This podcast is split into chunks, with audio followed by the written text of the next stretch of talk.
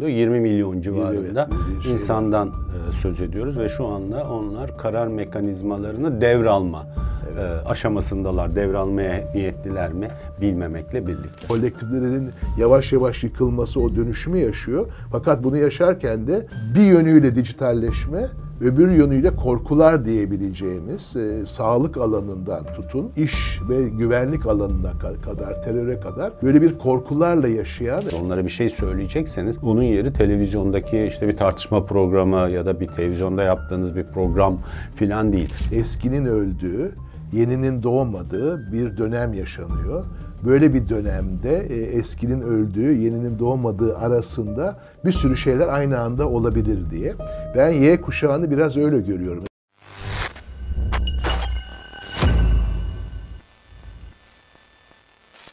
Evet Vural, birkaç hafta evvel Z kuşağını yapmıştık. Tabii e, Z kuşağıyla bitmiyor. Daha önceki kuşaklar da var. Fakat Z kuşağını anlamak için de önemli olan e, Y kuşağı var. E, Ve Y kuşağı 1980'lerden başlayıp bugüne kadar gelen bir kuşak. E, O yüzden Y kuşağında yapalım dedik. Y kuşağı denince neyi anlıyoruz? Kimleri anlıyoruz? Nasıl trendleri anlıyoruz? Şöyle bir kabulümüz vardı. Hani kuşak olarak bakmak, tabii ki farklılıklar var. Tabii ki Z kuşağını, Y kuşağını farklı yaşayanlar var ama belli trendler de, belli ortaklıklar da var. Yani bu kuşağın içine girip bu kuşağı değerlendirmek de önemli. Sence Y kuşağı nasıl e, düşünülmeli? Evet toplumu anlamak için kuşaklar önemli araçlarından biri. Tek başına değil tabii insanların yaşam evreleri var. Aynı yıllarda doğmuş olabilirler. Farklı yaşam evrelerinde olabilirler. Kimi çalışıyor olabilir, kimi öğrenci olabilir, kimi evli olabilir, kimi çocuk büyüyor olabilir. İş hayatlarındaki durum ve pozisyonları farklı olabilir gibi gibi ama bir de doğum dönemlerine ve ilk çocukluklarını geçirdikleri döneme göre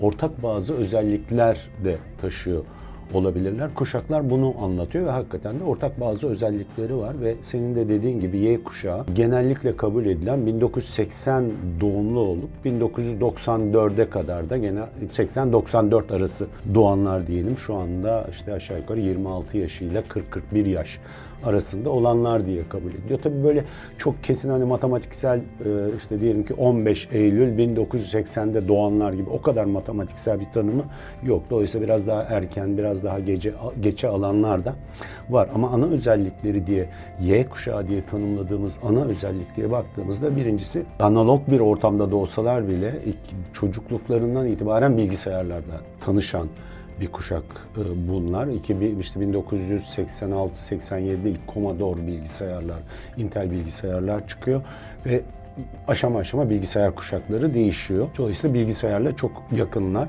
Kuşağın tamamlandığı nokta 1994-95 gibi yani cep telefonlarının çıktığı ve yeni Z kuşağı diye anlattığımız artık cep telefonlarıyla doğan bir kuşakla e, tamamlanıyor. Bir tarafı teknolojiyle ilgili, bir tarafı dünyadaki trendlerle ilgili. O trendlerde işte neoliberal akımların daha etkili olmaya başladığı bir dönemin çocukları olarak doğuyorlar. Bu önemli bir nokta herhalde. Senin de üzerinde durabileceğin bir nokta diye tahmin ediyorum bunu. Bu, bu kuşak dediğim gibi analogla başlıyor, dijitalle devam ediyor hayatına. Evlerinde ilk sabit telefonu görüyorlar ama ondan sonra her türlü telefonu görmeye başlıyorlar. Ta akıllı telefona kadar okullarını bitirinceye veya hayata atılıncaya kadar. Özellikleri içerisinde politikada çok aktif. Önceki X kuşağından farklılar. X kuşağı dediğimiz kuşak bir önceki yani ebeveynleri daha aktif, daha politikada, şirket hayatında, iş hayatında daha böyle kararlı ve iddialı e, olan bir kuşaktı. Tam aksine kuşaklar birinde böyle- bir öncekine reaksiyon duyarak yetişiyorlar. Ee, ebeveynler de kendilerinde olmayanı oraya veriyorlar. Ee, bir parça orada arıyorlar. O yüzden e, Y kuşağı dediğimiz kuşak daha az iddialı, daha az fanatik çeşitli konularda. Ee, iş hayatında, şirket hayatında, akademide daha az kariyer hevesleri ve iddiaları ve uzun vadeli planlarıyla hareket ediyor. Dolayısıyla bir önceki kuşaktan bu anlamda çok farklılar. Aa, Dini pratikleri mesela daha az ama dine saygılılar bir önceki kuşağa göre. Buna karşılık daha cinsel çevrelerinde daha liberaller ve mesela cinsel kimlikleri falan çok rahat, farklılıkları çok çeşitli kabul ediyorlar. Ama bir özelliği daha söyleyip söze bırakayım. Ee, Daha kendileriyle alakalı bir kuşak. Buna çünkü bazen e, İngilizce'de generation me me me kuşağı yani ben kuşağı deniliyor. Hayatı kendi etraflarında alıyorlar ve kendi mutluluklarıyla, kendi huzurlarıyla çok daha ilgililer. Bazıları da narsist e, bir kuşak diye söylüyorlar.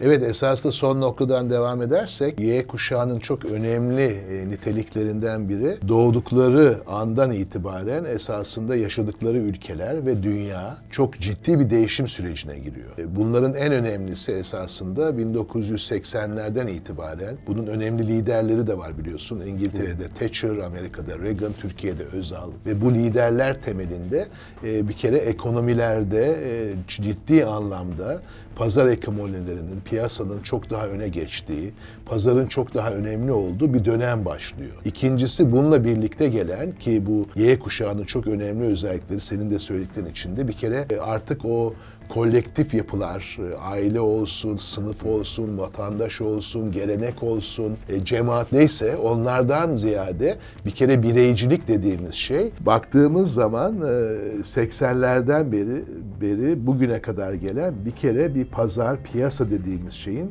giderek önem kazandığı bir e, süreç içinde doğuyorlar ve yaşıyorlar. İkincisi e, biraz geleneksel, e, daha topluluk, daha cemaat, daha sınıf, daha vatandaş, daha aile gibi yapılardan bireyin çıkması ve bireyin tek başına sanki böyle bunlardan bağımsız bir varlıkmışçasına yaşanması yani o hem felsefi olsun, ideolojik olsun ama günlük yaşamda da böyle bir bireycilik içinde doğup doğup büyüyorlar. O yüzden de esasında Y kuşağı çok önemli bir e, dönüşümün yaşandığı dönemde ki o hala devam ettiği için de bir geçiş kuşağı. Ee, o öyle deniyor. Yani senin söylediğin gibi birey ve bireyin bugün geldiği sorunlarla birlikte yaşıyorlar. Bir taraftan e, daktiloyu görüyorlar ama e, giderekten e, dijitalleşme, den telefonlara kadar, akıllı telefonlara kadar bu yapıyı, kompüterleri görüyorlar. Bir taraftan e, esasında geleneksel siyaset gibi şeylere bakıyorlar ama gördükleri esasında e, çok daha yani farklı konularda farklı siyaset yapma biçimleri gibi e, dönüşümler var. Fakat bu dönüşüm ve geçiş içinde bir vurgulamak istediğim nokta var. Bu kuşak bir de 80'lerden başladıktan sonra biliyorsun 90'da Soğuk Savaş bitiyor, başka bir yere giriyor. 2000'de 11 Eylül terör gibi dünyayı değiştiren bir terör var. 2008'de büyük bir ekonomik kriz var. Daha öncesi bugün mesela yaşadığımız Covid-19'un öncesi bir AIDS dediğimiz bir hastalıklar var. Ondan sonra işte SARS denen salgın hastalıklar, epidemikler. Bir de bu kuşak esasında bir tarafta bireyciliği yaşıyor, bir tarafta önündeki alanların, o kolektiflerin yavaş yavaş yıkılması, o dönüşümü yaşıyor. Fakat bunu yaşarken de bir yönüyle dijitalleşme, öbür yönüyle korkular diyebileceğimiz e, sağlık alanından tutun iş ve güvenlik alanına kadar teröre kadar böyle bir korkularla yaşayan esasında e, iki, ikili yapıları çok kendi içinde yaşayan da bir kuşak.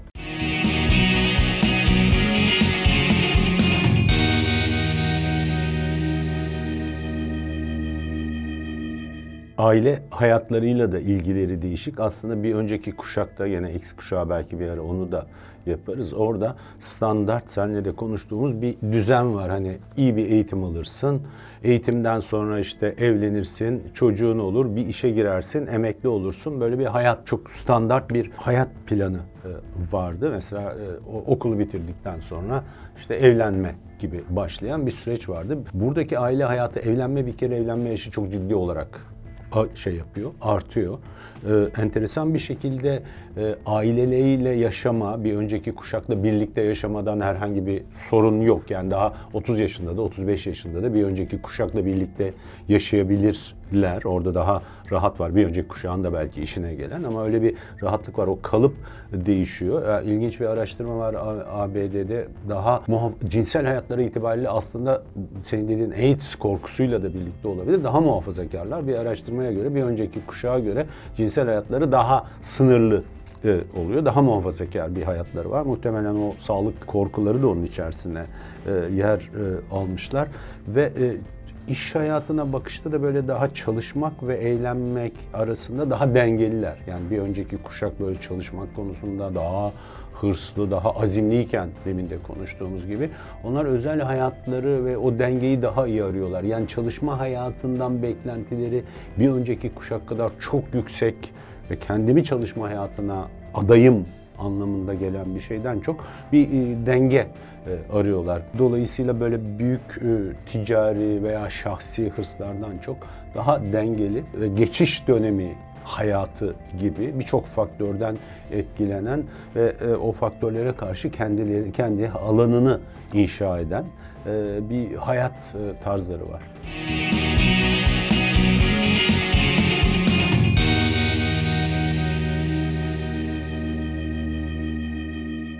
Tabii yani X kuşağına referans verdin. E, bir başka boyut da X kuşağından farklı olarak Y kuşağının. X kuşağında yani bizler de e, doğuyoruz ve sonlarına doğru geldik ama e, bizler de hani iyi bir eğitim alıyorsun. İyi eğitim aldıktan sonra e, işe giriyorsun, aile sahibi oluyorsun ve artık ondan sonra sen de bir e, aile sahibi olan, e, çocukları olan, o anlamda sorumlulukları artmış bir yapıyı götürüyorsun. Yani e, öyle bir e, şey var. Hatta yani eğitim de süreklidir. E, eğer mesela eğitimde üniversite sonrası master yapacaksan hemen yaparsın ki bir, bir şekilde bir meslek sahibi olmak, aile sahibi olmak gibi bir şey var. Bence Y kuşağı burada da bir şekilde o geçiş dönemini yaşıyor. Çünkü bakıyoruz bu gençlik uzuyor. Yani bizde mesela hani hepimizde bizlerde hani 23-24 yaşında artık aile sahibi olma noktasına gelmişken şimdi bakıyorsun 30'a kadar devam edebiliyor. Yani psikiyatriklerin yaptığı çalışmalara baktığınız zaman, gençlik üzerine yaptığınız çalışma baktığınız zaman bunu görüyorsun. Yani 30'a kadar belki aileyle yaşıyor, master yapabiliyor. Acaba ne yapsam diyor. Bir işte çalışıp sonra başka bir işe geçmek için bir ara veriyor gibi esasında bu kuşakların daha gençlik olarak uzadığı bir şey var. O bence Y kuşağının geçiş kuşağı olmasıyla da ilgili bir şey. Çünkü giderekten esasında burada yeni bir şey çıkacak gibi gözüküyor. Onu biraz Z kuşağında tartıştık ama Y kuşağı böyle daha biraz daha böyle şey gibi değil mi? Yani gençlik dönemi uzamış, kararlarını biraz daha sonra alacak. E, ama öbür taraftan da e, biraz da öğrenen de bir kuşak. Çünkü mesela bizden çok daha e, net olarak bir kere dijitalleşmeyle birebir yaşamak durumunda olan bir kuşak. Hem eğitiminde olsun hem iş hayatında olsun hem de çocukları olduysa onların yaşamında yani Z ve alfa dediğimiz o çocukların yaşamında. O yüzden dijitalleşmeyi öğrenmesi gereken e, bir kuşak. Böyle olduğu için bence bu e, geçiş ve mutasyon deniyor bazı psikiyatristler. Esasında böyle bir öznellik, bir kimlik temelinde e, teknoloji, dijitalleşme, korkular, endişeler ama öbür taraftan da biraz senin tam söylediğin gibi o bireyselleşmeyle ben ben ben diyen de bir yapıdaki bir geçiş dönemi kimliğini görüyoruz bence bu Y kuşağının en önemli özelliklerinden biri olarak.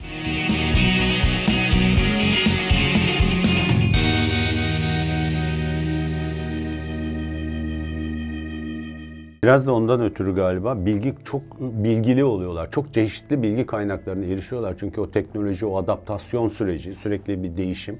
Onun içerisindeki adaptasyon süreci içerisinde çok çeşitli bilgi kaynaklarına erişebiliyorlar. Nereden ne bilgi alabileceklerini buluyorlar ama bu bilgiyi almak yani aslında bilgi kapasiteleri değişiyor ama bu bilginin pratiğe döndürülmesi konusu yani bir uygulamaya dönmesi konusuyla o kadar fazla ilgili değiller. Bir nokta iki bir başka nokta gene özellik olarak hani işi pazarlamaya ve şeye döndürürsek oturup televizyonda canlı yayında işte televizyon karşısına geçip de işte televizyonda bir şey seyretme alışkanlıkları tamamen bitmiş bu kuşağında. Dolayısıyla onlara bir mesaj verecekseniz, onlara bir şey söyleyecekseniz onun yeri televizyondaki işte bir tartışma programı ya da bir televizyonda yaptığınız bir program filan değil.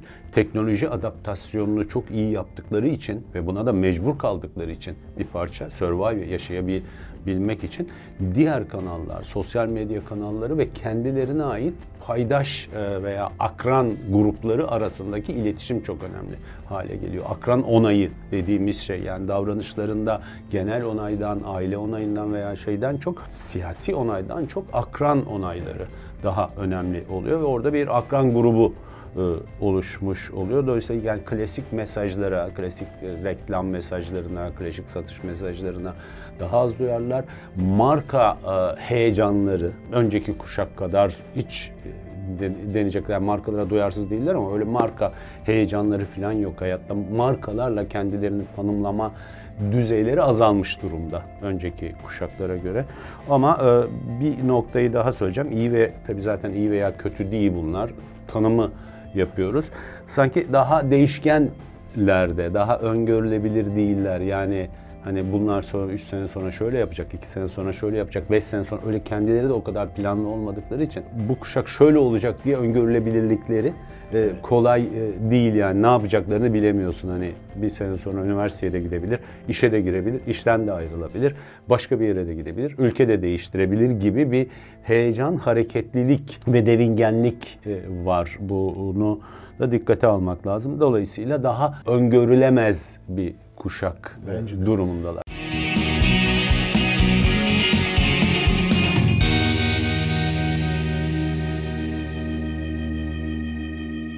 Şöyle bitirebiliriz. Benim akademik çalışmalarımda çok kullandığım e, Antonio Gramsci diye bir e, felsefeci, bir siyaset kuramcısı, bir Marksist vardır e, İtalyan. Onun çok güzel bir lafı vardır ki o laf e, çok kullanılır farklı alanlarda da. O bir İtalya'nın bir dönemi için şöyle der. Eskinin öldüğü, yeninin doğmadığı bir dönem yaşanıyor. Böyle bir dönemde e, eskinin öldüğü, yeninin doğmadığı arasında bir sürü şeyler aynı anda olabilir diye. Ben Y kuşağını biraz öyle görüyorum. Esasında yani ondan önceki X kuşağı ve bir takım şeyler esasında artık yavaş yavaş ölüyor. Fakat yeninin de doğmadığı, tam ne olacağını bilmediğimiz o ara dönemde olduğu için birden fazla kişilikleri, birden fazla özellikleri, birden fazla tercihleri içinde yaşıyorlar. Esasında bence o anlamda çok önemli bir kuşak çünkü bize de dünyanın son dönemde yaşamış olduğu hem olumluluklar hem olumsuzluklar, hem riskler hem potansiyel onların hepsini verebiliyorlar. Öngörülebilir bir bir kuşak değil. Fakat e, şöyle de düşünüyorum. 90'lardan sonra olanlar biraz daha Z'ye yakın gibi olabiliyor. 80'ler biraz daha değişkenlik e, de gösteriyor. O yüzden de böyle Y ve Z'yi birleştirdiğimiz zaman e, yani son artık 40 yıl gibi oluyor ama bu 40 yılda hakikaten e, bu kuşaklar temelinde, kimlikler temelinde ben bir mutasyonun ve değişimin ve geçiş döneminin hala yaşandığını düşünüyorum. Buradan belki bir yeni kuşak çıkacak yeni bir öznellik çıkacak ama onun tam ne olduğunu bilmiyoruz ama Y kuşağı esasında bir taraftan Z kuşağını anlamamızda bize yardımcı oluyor. Bir taraftan da X kuşağı ile ilgili olan bir takım şeylerin de bittiği fakat yeninin doğmadığının geçişkenliklerini de içinde taşıyor.